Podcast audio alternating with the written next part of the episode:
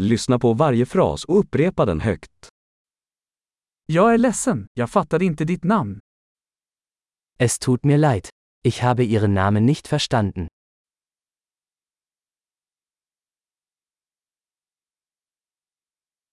Var kommer du ifrån? Woher kommst du? Jag är från Sverige. Ich bin aus Schweden. Det är första gången jag är i Tyskland. Dies ist mein erstes Mal in Deutschland.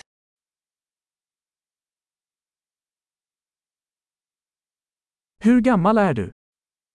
Wie alt bist du? Jag är 25 år. Ich bin 25 Jahre alt.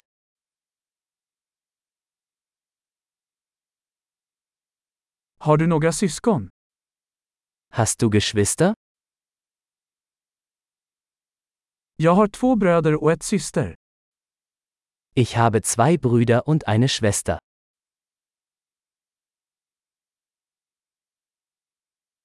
Jag har inga syskon. Ich habe keine Geschwister. Jag ljuger ibland. Ich lüge manchmal.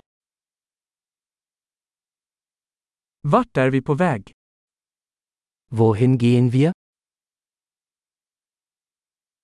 Var bor du? Wo wohnst du?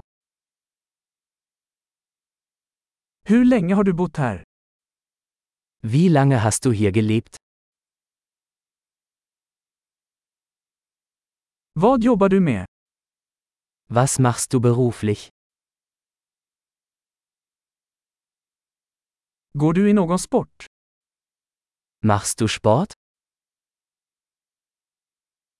Jag älskar att spela fotboll, men inte i ett lag. Ich liebe es, Fußball zu spielen, aber nicht in einer Mannschaft.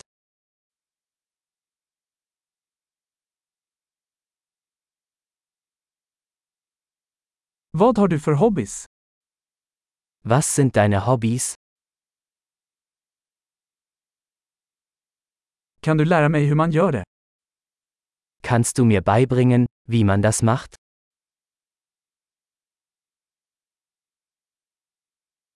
Vad är du exalterad över dessa dagar? Worauf freust du dich in diesen Tagen?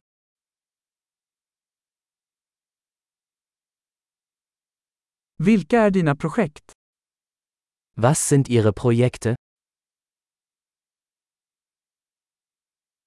Vilken typ av musik har du tyckt om den senaste tiden? Welche Art von Musik haben sie in letzter Zeit genossen?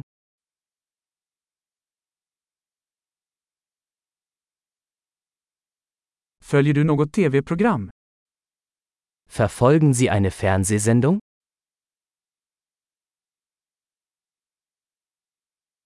Har du sett några bra filmer på sistone? Hast du in letzter Zeit gute Filme gesehen?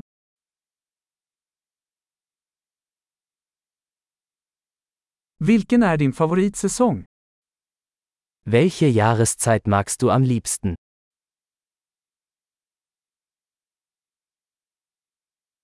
Vilken är din favoritmat? Was sind deine Lieblingsspeisen? Hur länge har du lärt dig svenska? Wie lange lernst du schon Schwedisch?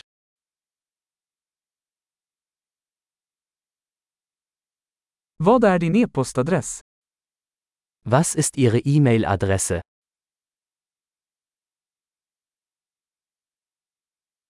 Kan jag få ditt telefonnummer? Könnte ich ihre Telefonnummer haben?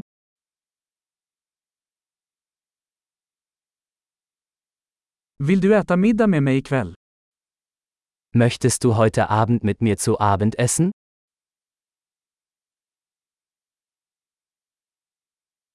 Jag är upptagen ikväll, vad sägs om denna helg?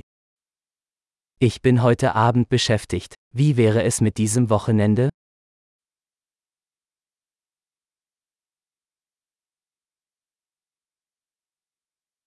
Vill du gå med mig på middag på fredag? Würdest du am Freitag zum Abendessen mit mir kommen?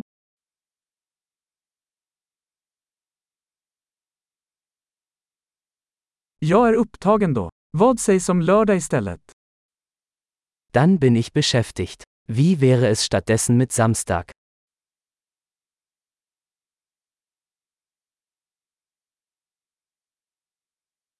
Lördag funkar för mig. Det är en plan. Samstag passt für mich. Es ist ein Plan.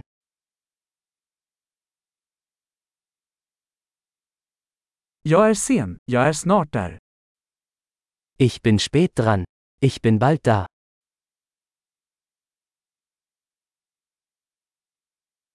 Du lyser alltid upp min dag. Du erhellst immer meinen Tag.